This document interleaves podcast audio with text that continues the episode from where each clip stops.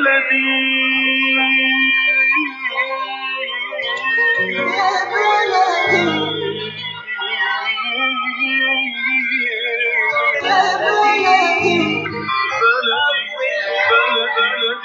أهلا بكل الذين ينضموا للاستماع إلى راديو بلدي أول راديو عربي أمريكي ويعنى بقضايا العرب في المهجر برامجنا في راديو بلدي كل يوم جمعة من الثامنة وحتى التاسعة صباحا في بث حي ومباشر عبر WNZK راديو 690 AM صباح الخير بلدي صباح الخير لكل مستمعينا. Welcome to Radio Baladi, the first Arab, Middle Eastern, and American simulcast radio show. Radio Baladi is broadcast every Friday morning on WNZK 690 AM from 8 until 9 Eastern. Time on Good Morning Michigan. Our call-in number 248 557 3300. And now, stay tuned for the best radio talk show on Arab and American issues.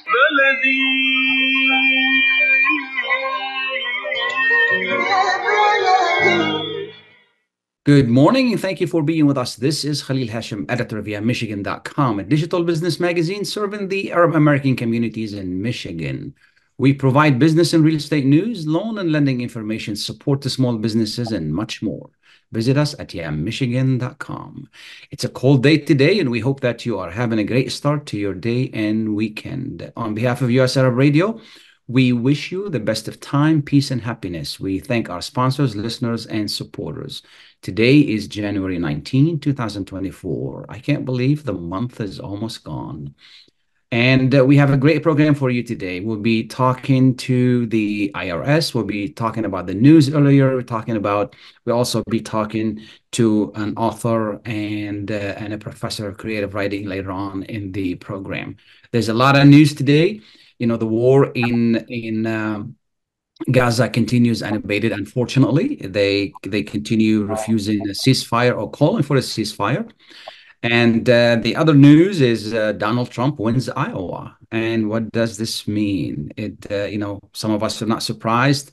I'm surprised to the to the degree that he has won, and to some of the comments that he's there to save America. Uh, with us this morning is uh, news editor John Mulcahy. Good morning, John. Thank you for being with us. Good morning. Appreciate it. And Nice so, Donald, I'm sorry. Go ahead. No, I just said nice to be here. I appreciate it. I appreciate it. Yeah, on on a cold day, a very cold day in, in the winter.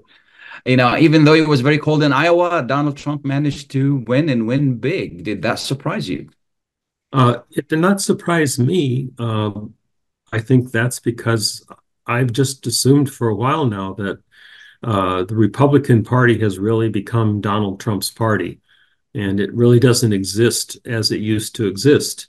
Um, so uh, even the even the two candidates uh, who were opposing him there, well, actually there w- well, there was more than two, but the two main ones.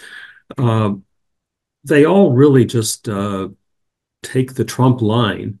They sound Uh, like him.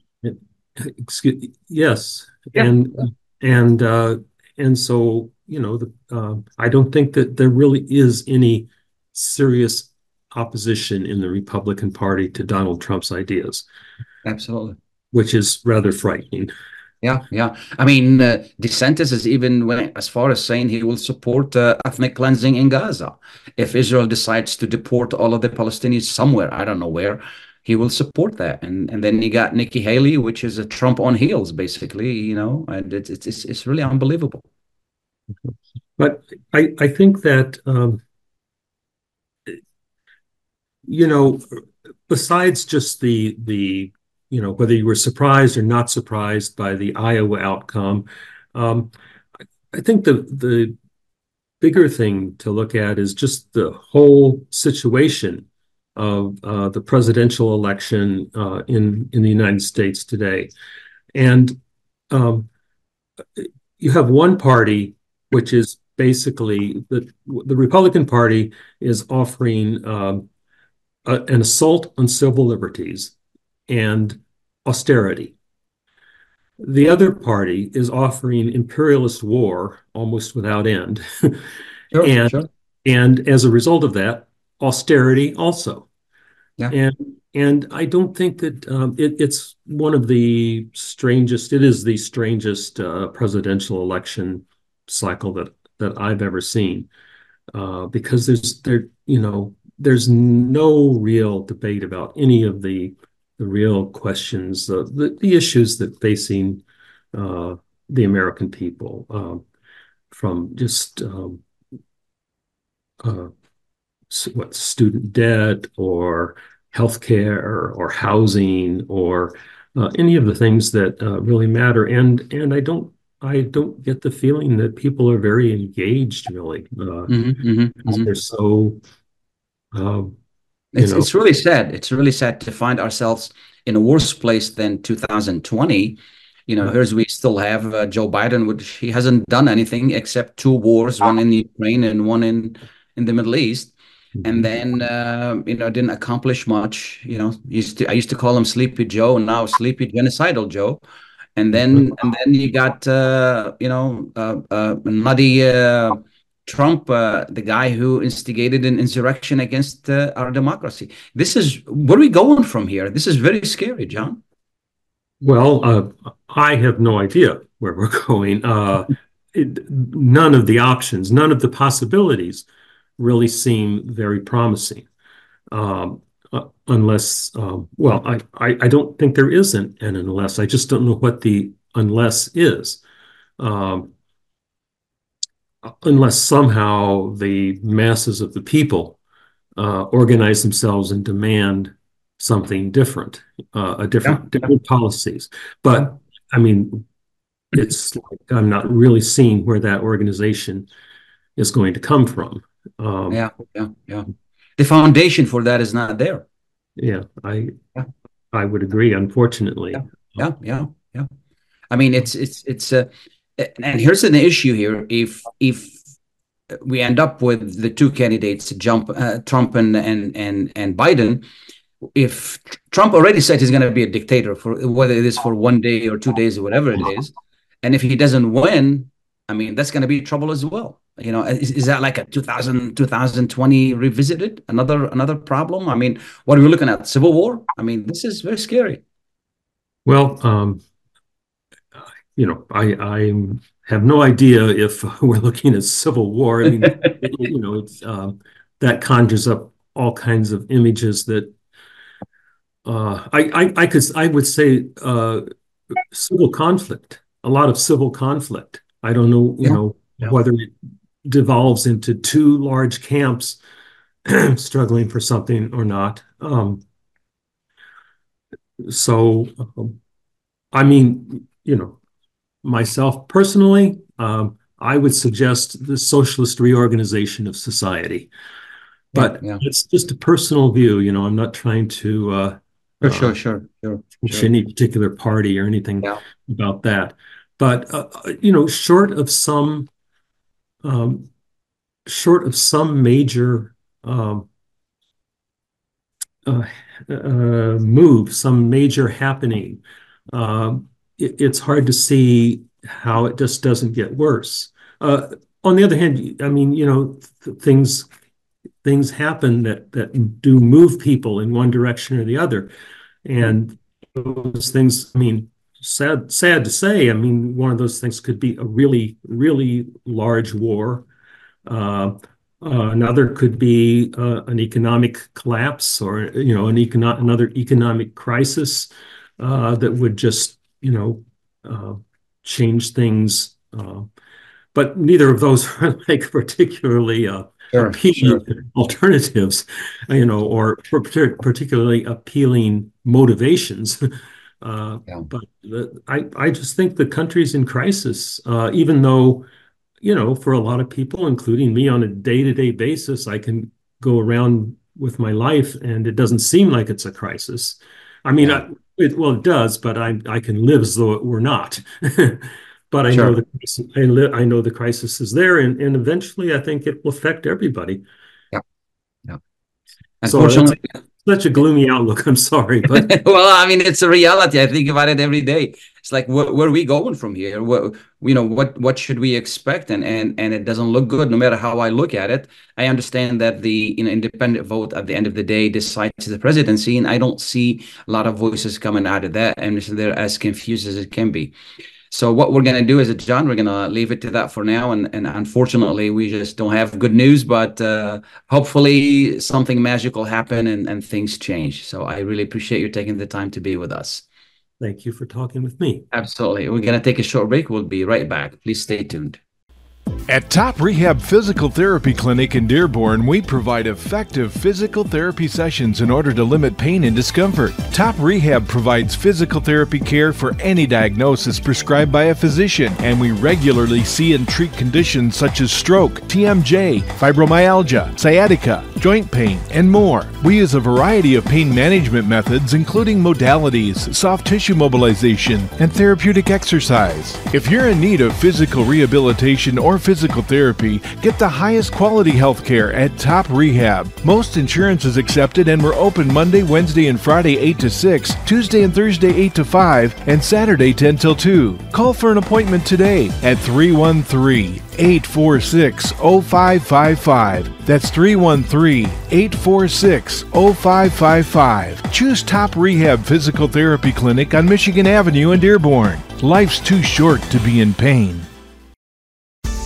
Life for Relief and Development has now been rated as one of the best charities for humanitarian aid. Life's humanitarian projects span the globe, and Life is celebrating its 30th anniversary of providing essential life saving aid to people and communities in 36 countries, regardless of race, color, religion, or cultural background. Where there is life, there is hope, and when disaster occurs here or around the world, including being one of the first responders to the Turkey Syria earthquake crisis, Life for Relief and Development rushes in to provide provide food, medical aid, and shelter to those in need. We are looking to help the earthquake victims and we take 0% overhead on emergency donations. So please help improve these efforts. Learn more about our involvement to help the helpless and bring hope where it's needed most and make your tax deductible donation to Life for Relief and Development now at lifeusa.org or call 248 424 7493. That's 248 424 7493. Welcome back and thank you for being with us. Uh, we're going to change to a different topic now, and it is about Arab American, Arab American history. You know, I have mentioned to you before is that no one tells our story better than us. And no one really explains who we are and what we are other than Arab Americans and Arab American writers. And, um, you know, I'm glad that we have a great writer with us today we're going to be talking about his new book. And I want to emphasize the need for us not only to talk to Arab American writers, but to support Arab American writers because they tell our story. This is something very, very important. And I'm going to talk a little bit more about that at the end of the segment. Why is that very important? You know, so with us this morning, is Professor Ghassan uh, Zeineddine. He's a, a writer, professor, and he teaches uh, creative writing at Oberlin College in Ohio. Welcome, and thank you so much for being with us on the show. Uh, thank you so much for having me, Khalil. It's an honor to be here. Absolutely. Tell us a little bit about you first, and and and then we're going to talk about what inspired you to write the book and what's the book about. Sure. Yeah. You know, I can answer that. I, I can probably answer all all those questions in one um, by explaining um, like my my biography. So um, I was uh, born in Washington D.C., um, but I actually grew up in uh, in, in Saudi Arabia. Uh, I am of uh, Lebanese descent. Uh, both my parents are Lebanese, and um, you know my parents um, were uh, you know born and raised in Lebanon and and as as you know, you know there was the Lebanese Civil War from 1975 to 1990, sure, and sure. um, and so at the time, my dad was uh, a civil engineer, and he and my mom married in um, uh, in the late 70s, and it just became really difficult to live in Beirut. And um, so my like like many Lebanese expats, my dad found a job as an engineer in Saudi Arabia. So I was born in DC, um, but as a I was only two months when we, um, my mom uh, and, and, sister and I went back to Jeddah, Saudi Arabia, uh, to join my dad. And so I grew up uh, in Jeddah. And at one point in, in the early 80s, uh, kind of similar to what you were just saying, Khalid, before we went, we went on air, at one point my parents had enrolled uh, my sister and I in school in, in, in Beirut. and uh, but then the Israeli invasion happened, and so Yeah. that really um, um, and so my parents um, just scrapped those plans. Just changed everything. it, Yeah. it just changed everything, and, Yeah. we, and we just remained in Saudi Arabia. Yeah. And then just so happened in um, in 1990 when Iraq invaded Kuwait. At the time, there was this fear in Saudi Arabia that Iraq was going to also invade. Um, uh, uh, when, when Iraq invaded Kuwait, there's this fear that Iraq was gonna- 1990, yeah, yeah. 1990. It was going to Mhm. invade uh, Saudi Arabia. So my parents again just decided to to to uh, to just kind of change plans, and uh, and and we immigrated to America uh, in the early 90s. Um, and throughout my um, throughout my 20s, I actually went uh, went to Lebanon. I just lived uh, in Lebanon throughout my 20s. Um, but I should say, you know, growing up um, or living in the DC area from 1990 and onwards, um, although there's a Arab American community in the DC metro area, my sister and I were the only Arabs at our school. Exactly. And so we always felt like we were outsiders. Um, but it just so happened that um, we knew of this place called Dearborn, where there are a lot of Arabs who, lived up north in Michigan. And believe it or not, I've said this in other interviews. Um, so my parents would order boxes, big boxes of baklawa from Shatila's, you know, Sure, the, sure. the, fa- the famous um, sweet shop in Dearborn. I know there are a lot of great, there are a lot of other great sweet shops in Dearborn, but from people outside of the city, that's all they know, Shatila's, right? Exactly, And- exactly. and, and so I'd always see the box. It came from Dearborn, Michigan. And my aunt, her, um, she ended up marrying uh, a Lebanese immigrant, and he actually um, uh, went to school at Detroit Mercy. And so we knew there was an Arab American community in, in, in Dearborn, but I didn't really know that much about it. So fast forward several years later, um, I was in a, um, a PhD program uh, in English uh, at the University of Wisconsin Milwaukee, and I started to really research um, the Arab American experience in literature in depth. And Dearborn kept coming up, like in, in all these different books. Sure, So sure. I did a lot of archival research, and and um, and so we're talking. I was in my early 30s. I'm I'm now 43, but so you know, since I was a, a teenager or, or, or, or an adolescent in the DC area to like a graduate student in my early 30s, Dearborn has, had always been in the back of my mind. Sure, sure. And then when I started, um, I had um, a, a visiting position at another college in Ohio, and I taught creative writing and Arab American literature. And so I, I would tell my students about Dearborn that there is this, you know, that there's an Arab American community, has the highest concentration of Arab Americans in the country up in Dearborn, and had yet to visit Dearborn. Yeah. So um, eventually there was a job opening at the University of Michigan, Dearborn. And so my wife and I moved in 2018 uh, to Dearborn. Um, and so it I, immediately I just really uh, took to the city. Um, and you know, it, it was the first. When was that? It was in 2018. The summer. 2018, yeah, yeah. the spring Yeah, of yeah. uh, yeah. It was uh, like uh, May of 2018 Sure. and, and um, you know, uh, um, very quickly, uh, I, uh, um, I just really took to the city. It was the first time, like in my life, uh, in America, that you know, uh, it, uh, that you know, I could go into a coffee shop, I could go into a restaurant, a grocery store, and just start speaking in Arabic you know, sure. and it, it got it got to the point where I'd I'd enter, especially on the east side of Dearborn, the Arab part of town, I'd enter an establishment and I didn't know should I speak in English or in Arabic, and I, I just loved that you know Sure, that sure. experience. In some places, they may not even understand you in English. So that's right.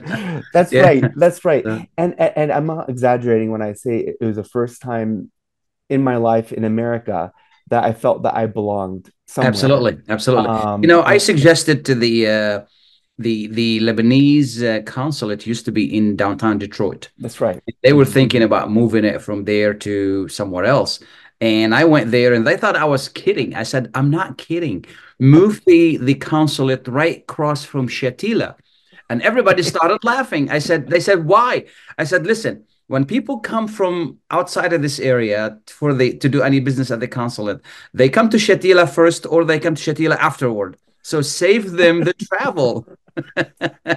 you know, and uh, they do make uh, really good um, good sweets and we're proud of their they had they have a great story you know uh, um, Allah yarhamu they they uh, bless his uh, his soul they found right. Riyadh Shatila and how he did it and and there are a lot of people like him as as you find out you know from Right. this that you've written and all of that so um, why write the book Yeah, so you know, it, so it, a lot of the book is really um like my love letter to Dearborn. Um, it, it it's a place that I felt very much at home, and so when I started to feel very comfortable living in Dearborn, um, and just interacting with people in the community, um, being a resident of the community, I just felt that is such a rich place, and I, I and I'd always I'd always been like I was um mentioning a bit earlier, I'd always been obsessed with the city.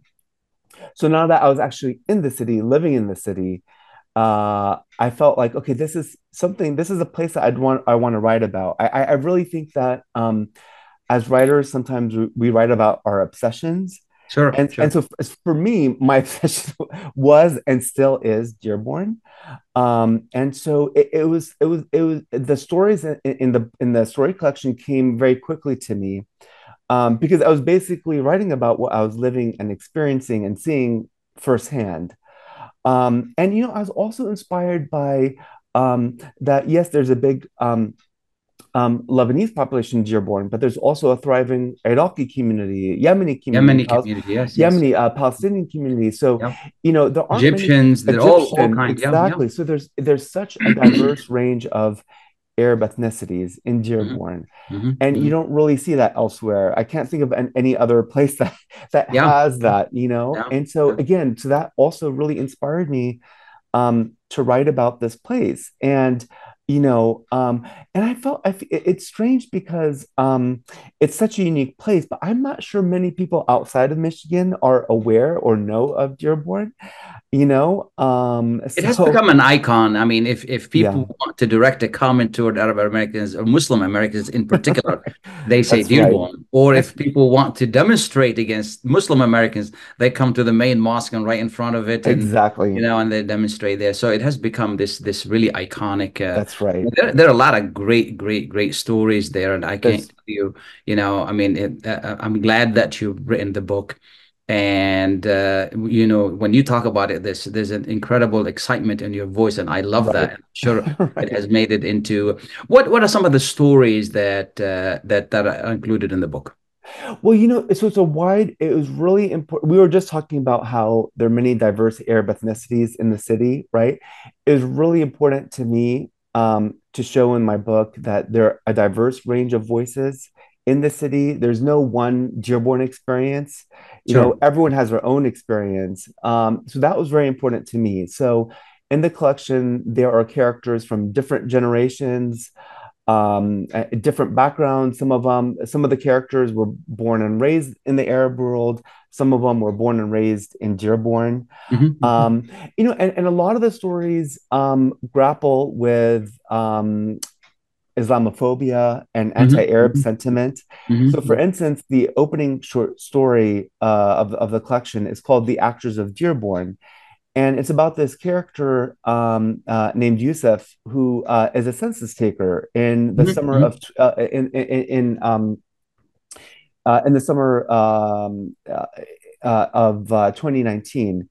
Um, and I remember that time um, because, you know, I, I was living in Dearborn at the time, and there was a strong presence of ICE agents, right, mhm, uh, mhm. in the community. I remember there was this one diner, um, Hamido, that that my Hamido, wife, yeah, yeah, yeah, that sandwiches, yeah, it's sandwich, right, that my wife and I would frequent all the time. yeah. And I remember coming across um, a story where two ICE agents went into Hamido and they tried to intimidate the supervisor in providing information on um, the supervisor's or the manager's employees. And the manager knew, knew his rights and, and he refused to hand over those documents. But I remember there was a lot of anxiety um, in, in Dearborn at that time. Sure, sure. And obviously, you had Trump in office, um, and there's so much anti-Arab, anti-immigrant, anti-Muslim rhetoric uh, going on. And um, so that was something I was seeing and feeling and experiencing. And so I, I, I wanted to kind of speak to that in that short story. So there, and there are other short stories.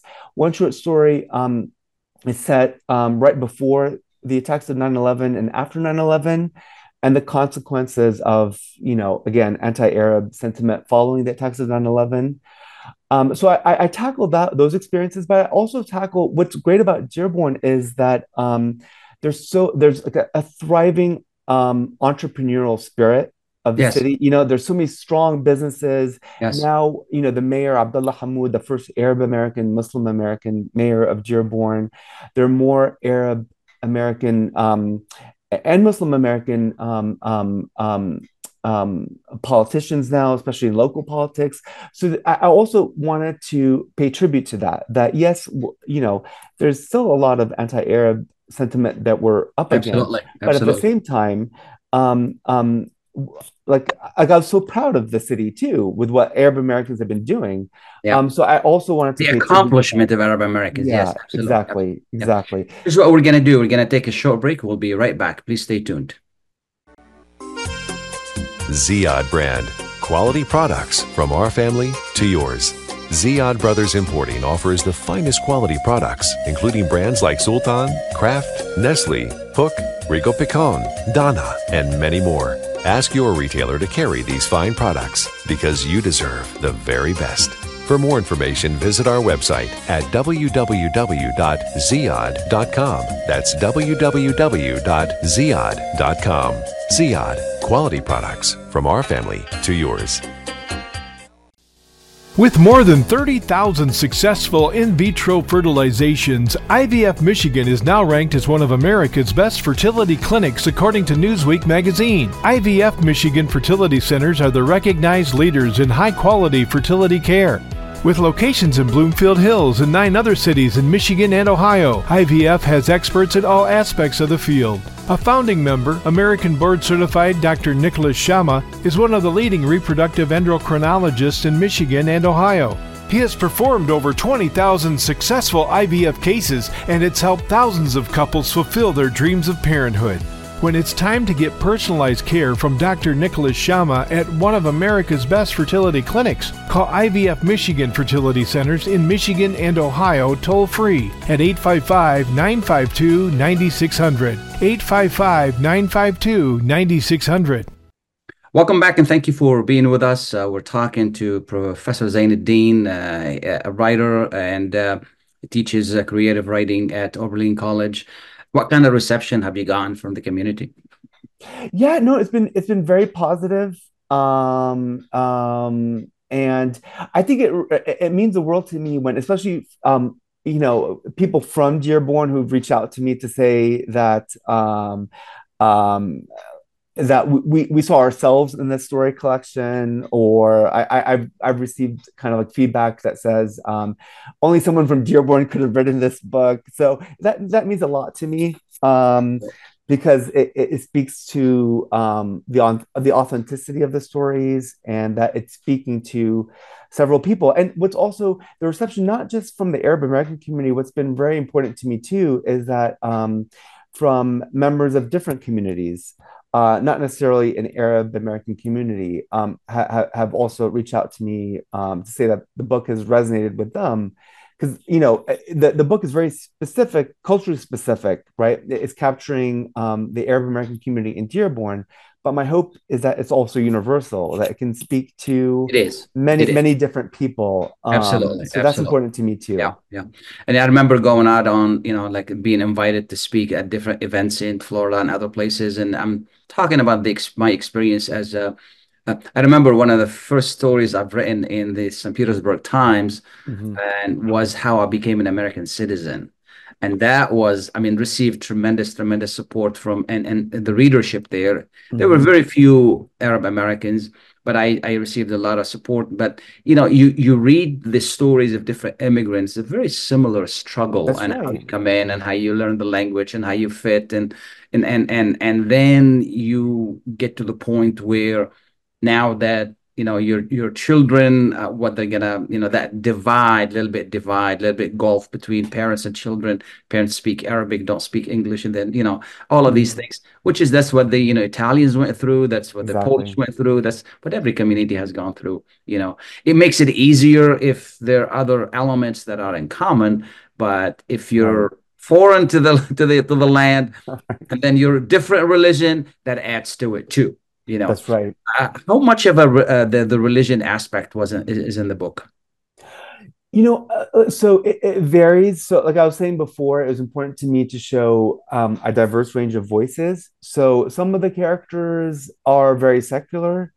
Um, some of the characters are religious. So it, it it varies from from from from from one story to the next, just to kind of show that you know there there and there are many different ways of expressing one's religion or one's Muslim Sure, identity, right? sure. Um, everyone sees it differently. So there are characters you know, um, who I, you know, who identify maybe as uh, as Muslim, but they don't necessarily follow all the tenets of of the religion. They're not practicing. Yeah, they're Yeah, not they're not. Yeah, so there, Yeah. there's like a, a a wide range, just to kind of show that So, you know, different people have different relationships with with with with um, with uh, their religion.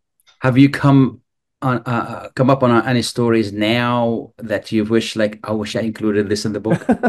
yeah, you know, so I, I, I, well, you know, there are a lot of stories that I actually cut from the book too. Oh, Um, okay. yeah, because I thought they just weren't strong enough, they just weren't good enough, they didn't, or or they just were a bit repetitive.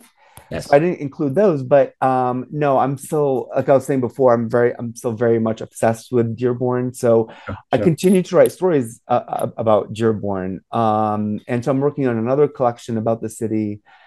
And in the back of my mind, I, I've been working or I've been thinking about um, um, a novel that's set in Dearborn as well. Um, I thought about that too. You know, I thought about that too. And then Right.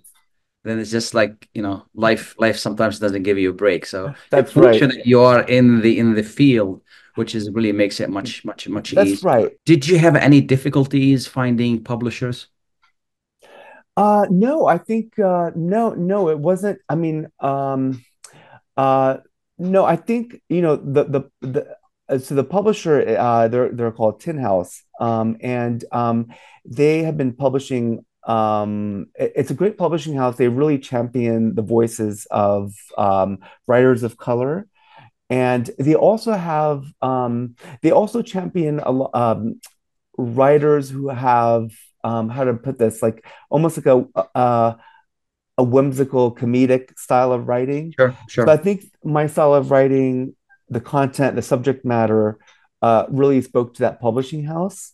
That's good. Um, yeah, so that was Yeah. good. But I, I do think that more um, publishing houses are are becoming more open to Arab voices. I mean, I still think there's more that obviously they can do, but I I, I think that more Arab writers are, are getting published today. Yeah, yeah. And and this is something I want to share with our listeners and the fact that, you know, like every time I hear there's a new book for Arab Americans, I buy it right away. And the reason I do that is I lend support to this this, particular writer first. Second, the more successful Arab American writers become, the easier it is for publishers to say, yes, I want to support you. That's Yes, I want to publish your book. Mhm. You know, so that contribution, $20, $30 is really going toward a bigger goal, and that is to help and support Arab American writers in general. You know, even if I don't like the person, I still I still do contribute because I see the bigger cause, you know. And and I have this this dream of one day establishing this uh like a, a publishing not necessarily a publishing house, but more like a organizations that promotes writers and support writers because some writers need support. I mean, you're fortunate that's what you do, but other writers need to take time off to write a book and so there'll be more of a committee that will say, yes, this is a great book. We need to support this particular writer and give him time and give him and then give him funding so they can they can do that. So that Exactly. yeah, that would be true. really yeah, absolutely. Yeah, and you know, I think um um and and especially with, with younger Arab American writers, knowing that they have important stories to tell. Um, I remember so at, at the reading I gave in Dearborn, um, during the book signing, there was this young Arab American man who came up to me and he said he's from Flint, Michigan, and he wants to do something. So, my, you know, my stories are linked stories about Dearborn, and he was saying that he wants to write like a story collection about the Arab American community in Flint, Michigan. And I said, you should, you should do it. I mean, it's Yeah, a fascinating place. There's so much to write about. And I've never, I haven't read anything about the Arab American community, you know, in in Flint, Michigan. So, Yeah. Yeah. and that's, you know, that speaks to, uh, you know, there, uh, there's so many stories to tell. And it's Absolutely. recognizing that, you know, you have a story to tell, an important story Yeah. to tell, and, Yeah. and embracing that. Is there anything I haven't asked you that people need to know about the book? You know, I, I I would just say that the the um um the book is comedic. Um, I I, I consider myself a comedic writer. Um, I, I would probably say these stories are more tragedy comic, right? There's tragedy and comedy. It's really important to me um, as a writer, um, um, especially a fiction writer, to entertain people. I, I do want them to really have fun and enjoy the book um, because that's one way of you know w- one way of um, uh, you know um, dramatizing a community to someone Sure. that especially a community that people aren't readers may not be familiar with one way is to kind of uh, seduce them right and, and Yes. kind of like lull them into your story so the way i try to do that is through comedy um, so i'm hoping that the story collection yeah you'll learn about the arab american community and, and it's universal but hopefully you'll also laugh you know Yeah. and Yeah. and um, um, Comedy is a good way to teach. It is. It is. a really good way to teach. It's a fun way to teach. It relaxes you, and then you can relate information. that's What right would be your advice to aspiring writers? These are just they're just starting. Yeah, you know, I would say um, to read a lot, read wild, widely. Um, that it's so important. Um, read different genres. Um, read different writers from different generations, different uh, eras. Um, and write, write as much as you can. Um, it- uh, writing is also about having a routine, setting aside a few hours a day. It, it's a grind, and you Yeah, kind of have to do it. It- it- Yeah. You got, you almost have to treat it as a job uh, to be successful. Exactly. You need to be professional. If you're not professional, it's not going to work. Yeah, yeah. Exactly. I mean, there are many days I wake up, I'm not necessarily inspired to write, but because I have that routine, you know, it's like a job. I still sit down and see, you know, I might have a bad day one day, and then the next day it might be a bit better. You know, it's about building that momentum. So, yeah, reading widely, um, making a routine part of your life, and also perseverance. You know, I mean, I, I, I, I you know, I failed a lot before I was able to publish this book. So Absolutely. it- it's part of it's just part of the um the profession that you know Absolutely. success goes hand in hand with failure. So But writing is one of the hardest professions out there. yeah, I remember interviewing um, a brain surgeon, and um, you know, I wrote a short story on him, and and the next day when it appeared in the paper, he called me. He said that I can never do what you do. I said, "What are you talking about? You're a brain surgeon." He said, "No, no, it's just the way you put it together in such a small space, and you told so much about me, you know, about what I do and all of that." And and I'm like, to me, I take it for granted. That's what I do every day, you know. It, it is a good, you know, good writing is very, very, very hard to do. You know, I, I, I tell people sometimes they come to me and they tell me, you know, I, I've, I've rewritten this several times, and I say, listen, Hemingway used to rewrite sentences 50 times. that's If right. a master like Hemingway wrote it 50 times, we should write it a thousand times. So the more you do, the better, you know. So yeah, I'm, I'm I'm really glad. Thank you so much. I really appreciate uh, you taking the time to be with us, and and uh, can't wait. I've I remember seeing you around the community, but I did not know who you are. Definitely this time I will stop by to say hello. If you're in the area, let me know. I would love to talk to you more. And where do we find the book if we're gonna buy it? Yeah, you know, it's available um online at all online outlets in, in the bookstores too. Um, just Dearborn. If you just uh, plug in Dearborn, it'll come up, or or or my name, Ghassan Zeineddine, it, it'll come Wonderful. up. Yeah, Wonderful. yeah. And again, before I let you go, I just want to remind our listeners, it, it it's not about this show. It's not about uh, uh, you know Professor Zeineddine. It's not about individuals. It's about helping Arab American writers and helping us tell the story of the community. If you if every time there's a new book and you support it, you're supporting a much bigger cause than an individual. And you know, it happened that we have a, a a good writer, a good, you know, uh, uh, somebody who's telling a good story that adds to the beauty of it. So I encourage you to read it, to to buy it, to you know, give it as a gift. You know, do all of these things that you need to do. So this is something very important. Again, final final thoughts. Yeah, thank you so much, Khali. It's been an honor and pleasure to talk with you. Thank you so much. Yeah. Uh, please stay tuned. We're going to take a short break. When you're looking for the best in optical care, Dr. Imad Nakash is your doctor to see. With years of experience and thousands of successful procedures performed, you can trust your eyes to Dr. Imad Nakash. See Dr. Imad Nakash and his professional staff for your eye care needs. There's two locations to serve you. In Hazel Park, call 248-336-3937. 248-336-3937.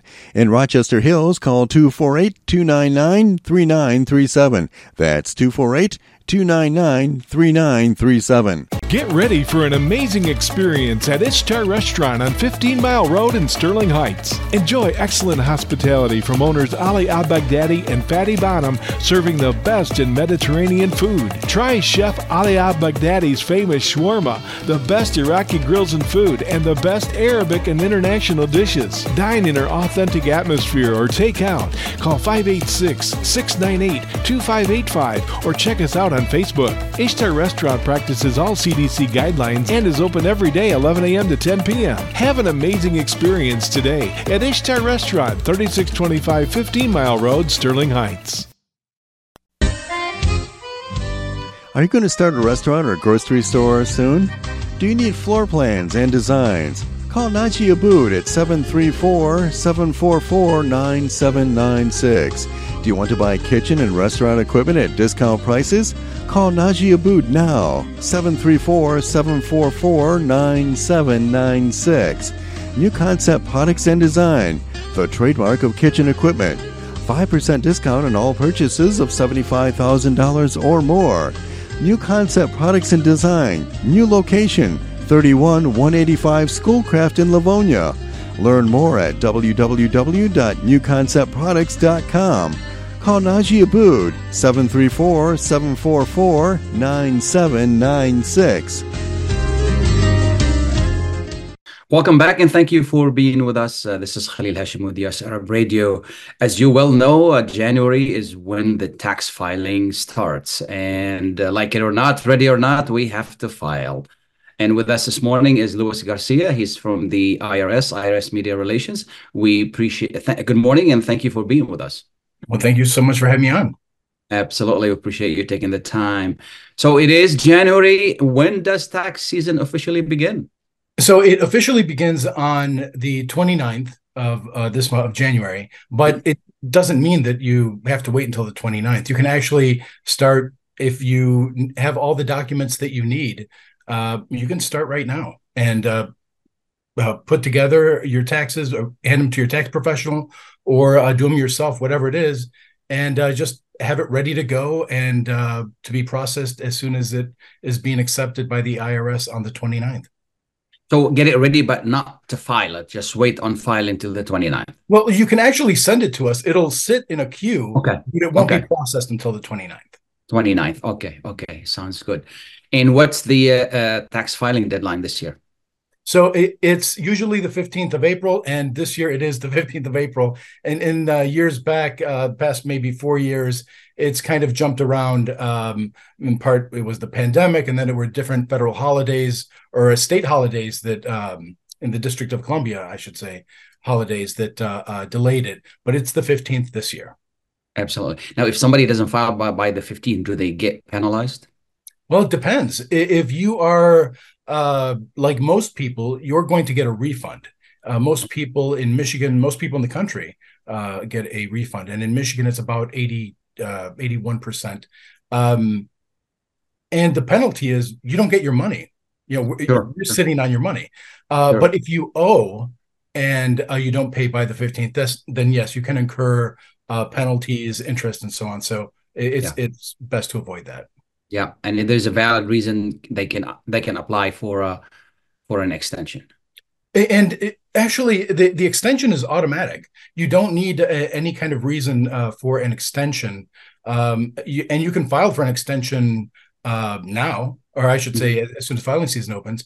But um, you can and you can file on the 15th of April if you need to, but a extension gives you automatically six months in which to file your tax return but if you owe you owe on april 15th so uh, it's best to pay and uh, make sure that you get that in as quickly as possible so we, we can reconcile what we have what you have make sure that it adds up and if there's any remainder, we'll send it to you as a refund. Uh, but it it's a uh, extension to file, not an extension to pay. Absolutely, absolutely. And what what's the free filing?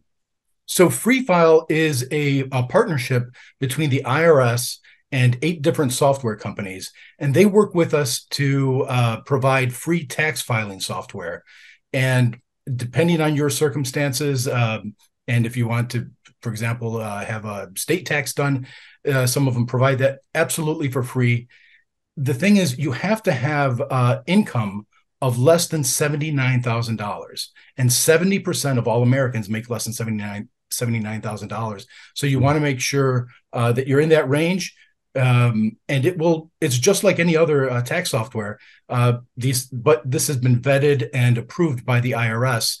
And uh, it will do ask you all the questions, uh, make sure that all the documents you need are there, any credits, any deductions, whatever it is, uh, it will do all the work for you and then file it directly with the IRS. And if you ask for a direct deposit uh, and file electronically, you get your refund in about 21 days. Wonderful. But, but with with uh, with free file, there's a little trick. It's very important. If you want 100% guaranteed free free file, you have to start at irs.gov because okay. there's a lot of people, including my own family members, who what they do is, or what they did before they they had the unpleasant surprise, is they would put free file into a search engine. Sure, and, sure, sure. And then they would end up at a site, and it's a legitimate site. These are these are uh, uh, legitimate companies, but they have little fees and hidden things that yeah, yeah, at yeah. the end they hit you with a with a cost. Yeah, guaranteed free file is only through IRS.gov. Through the IRS, yes. Now, when you say seventy nine thousand uh that's gross income. That's gross income correct. Yeah, yeah, yeah. Okay okay. It doesn't matter whether you're single or married it's just the gross income no, when just, filing. just the income. Yep. Yeah yeah. You know I, I used to do that a long time ago uh before i started my business i used to do that. I used to buy software and you know do the filing myself and send it out. I did that for years yeah. you know. So um but uh, then i learned it's better you know when you when you have your business it's better to, to work with a professional because it's a little, little bit more complicated. And, and that's a good point that uh, you can do if uh, if you qualify you can use uh, free file through irs.gov um, you can purchase the software if you feel comfortable doing that. Um, but there are great tax preparers Mm-hmm. Uh, there are, you know, you see them up and down the neighborhood. Yeah, uh, yeah. When you're driving, they're all out there trying to uh, get their business. And these people are well trained. Uh, they know what they're doing. Uh, there's also people who can not just prepare your taxes, but they represent. They can represent you. And if you have, let's say, a complex business or an international business, um, you want to deal with a, a CPA or a tax attorney or an enrolled agent is also somebody who has a lot of education and can also represent you before the IRS. Yeah, I mean specifically if people have a straightforward, uh, you know, they they they they they get a, a you know paycheck and there's no complications, and if and I think free file is is really the best way to go. When will free file be available? Uh, free file is started being available last Friday. So uh, you can go to irs.gov, uh, click on free file, and uh, then pick the software company that you want to go with. And then from IRS, the, the government website, it will transfer you over to their website, the one that you want. And then it'll start the process of doing your, your uh, preparing your tax return. Now this year, when should people expect uh, the refund? So from the date that you file, if you file electronically and uh, whether you do it with the software or whether your tax professional does it with software, uh, from that date, uh, 21 days or less is the norm.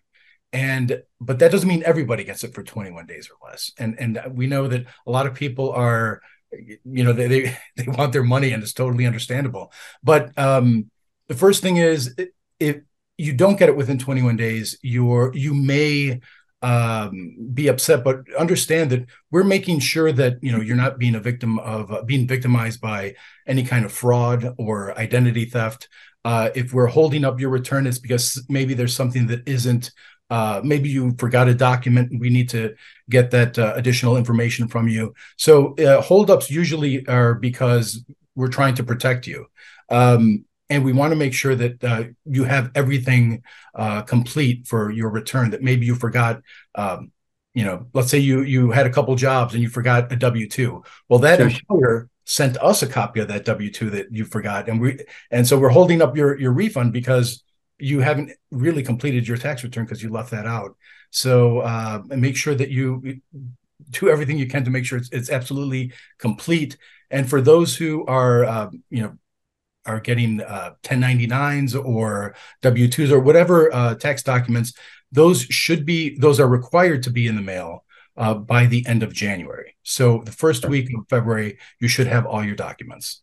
Absolutely. And is there a way to track my refund on the IRS uh, website? There is. Uh, it's called "Where's My Refund," uh, which is a pretty straightforward uh, tool that we have, and you can do it at, at- on our website at irs.gov, or uh, you can download the app uh, IRS2Go uh, from your app store uh, on your smartphone, and you can track your refund. The thing that we really want to get out there is you. It, it's only updated once a day, uh, usually Okay. in the the night between 3 a.m. and 5 a.m. because Sure. I have neighbors who just are constantly hitting that, that uh, their phone, their smartphone, trying to figure out if there's any updates on their refund, and Yeah. it's just updated once a day. So whatever, when you wake up, look at it, and that's going to be it for the next 24 hours. It's not going to make it any faster no matter how many times you tap on. No, it doesn't. Yeah, I, I wish it works that way, but it, it, it does not. Now, now will we be getting like will be they have the option like you're gonna get a, a, message, a text message, anything like that, or or not yet? Uh, for for now, no. Uh, for now, we're we're uh, very careful because we want to be uh, sure that people um, th- that that people are are the ones that are are doing the proactive step of checking on it, as opposed to sitting back and getting something from the IRS that can be confused with some kind of scam or uh, you know some kind of fraud that uh, uh, there there could be involved in. So. Uh, Sure. it's important that uh, that listeners understand that tax time is is scam time, and Exactly, exactly. these these criminals are really sophisticated, and they're not just in the U.S. They're they're coming from all over the world, and uh, and they want your money. They want your refund. They want your bank account. They want your. Your family's uh, uh, personal information. So so be very careful. Yeah, yeah. Because you know, um, um, one thing that if there's an issue with the IRS, the IRS sends you a letter. They do not call you. Is that correct? Well, we sometimes call. It's very rare, but the Okay. IRS does sometimes call. But here are the red flags. The IRS will never demand immediate payment. Mhm. Uh, the IRS will never demand that you pay by a particular payment method. Usually, scam uh, criminals are asking for um, gift cards. IRS does not accept gift cards for payment of tax. And the thing that is the most, the first thing they do is they threaten you. And by threatening you, they're trying to trigger a panic response so that you start stop thinking, start reacting, and give them what they want. And they don't That's just want your money; they want your the information, Information, your- yes, your yes. Social security numbers, all that stuff. Yeah. So we, we talked about free filing for 79 and less. What are the best ways for those who are above 79,000? So if you make more than seventy-nine thousand dollars a year uh, and you don't uh, want to use Free File, and and I might add to that, uh, we also have the Accounting Aid Society in Metro Detroit, uh, but throughout the country we have the what's called the Volunteer Income Tax Assistance. Um, Access in Dearborn does a fantastic job of uh, making sure that they provide free tax filing for people, and uh, these are professionals that are volunteers, but they they've been uh, trained using IRS uh, um, IRS certified uh, training uh, information, and, and they're certified by the IRS, and they're using software that's been vetted by the IRS. So that's another key that you can use is, is go to irs.gov, click on volunteer income tax assistance, and uh, you can have a, a volunteer do it if you are moderate to low income. Now, for those who are above it, um, you can use Free File. The only thing is, it's it doesn't do all the steps for you. It doesn't prepare your taxes like the uh, the different software companies that we were talking about. Um, they uh, it it doesn't ask you questions. It's basically forms that are in an electronic format. And if you're comfortable and familiar with uh, you know filling out taxes the old way that you know, people used to send them in uh, through the mail. You can do that for free at irs.gov using free file uh, free fillable forms, and Sure. these are uh, forms online. You could walk away, come back, you know, uh, keep going, and and you can file it directly with the IRS. Uh, if you don't feel comfortable with that, we suggest uh, use a tax professional. But when you do, make sure that they are who they say they are. So Exactly. if, Exactly. if it's uh, uh, you know a, a tax preparer or a, a tax practitioner, enrolled agent, CPA, or tax attorney, you can check them out at irs.gov. We have a directory of tax professionals, and they should be registered with us and have uh, what is called a PTIN, a Prepare Tax Identification Number.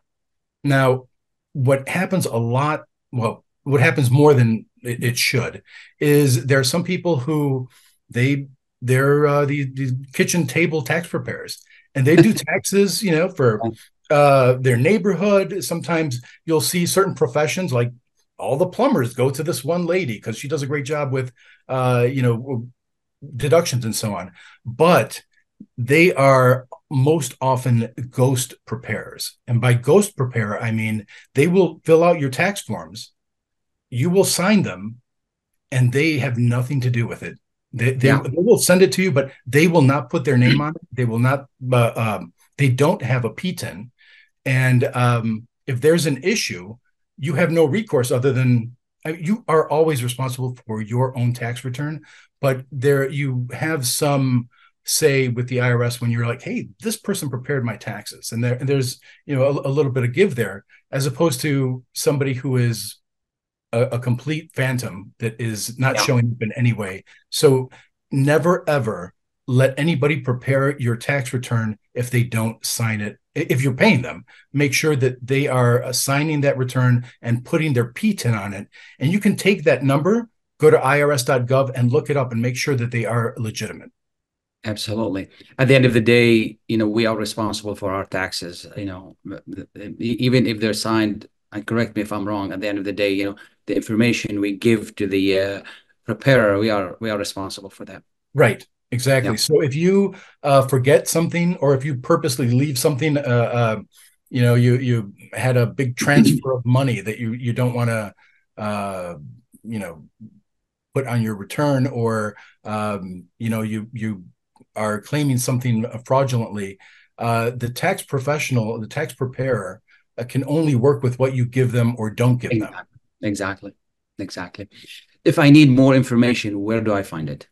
best thing is irs.gov we've got uh you know tools we have interactive assistance uh, I, I encourage everybody to look at their tax account you can go to irs.gov and look at uh, my account um, and then go through the process of verifying your identity make sure that uh, you look at your it, just like your bank account you can look at it online same thing with your tax account see what your last payment was what your last refund was um, if you had a payment plan, what that looks like. Any letters the IRS sent you will be there as well. So uh, it's it's a nice snapshot to look at your your tax account whenever you want to. Uh, just go Wonderful. to irs.gov.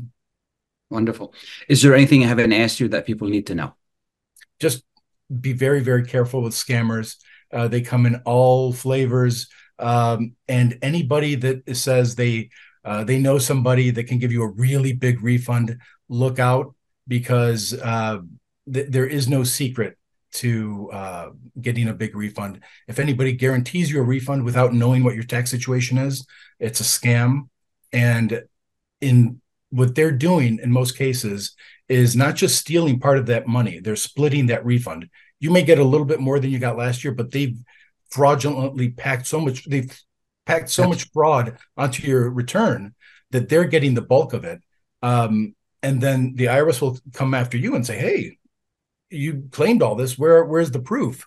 You have Exactly. to pay all of that back with interest, and that person usually disappears. They not just have your money that you have to pay back, but they also have your Your information. security number, your children's Yeah. social security number, Yeah. your spouse. So. So be very very careful. Do Yeah, your homework. Absolutely. Absolutely. Well, I want to thank you so much for taking the time to be with us. And I want to thank everybody who has been on the show today. Have a wonderful weekend. Thank you, Mr. Garcia. All right. Thanks. We'll see you. Bye bye. Bye now.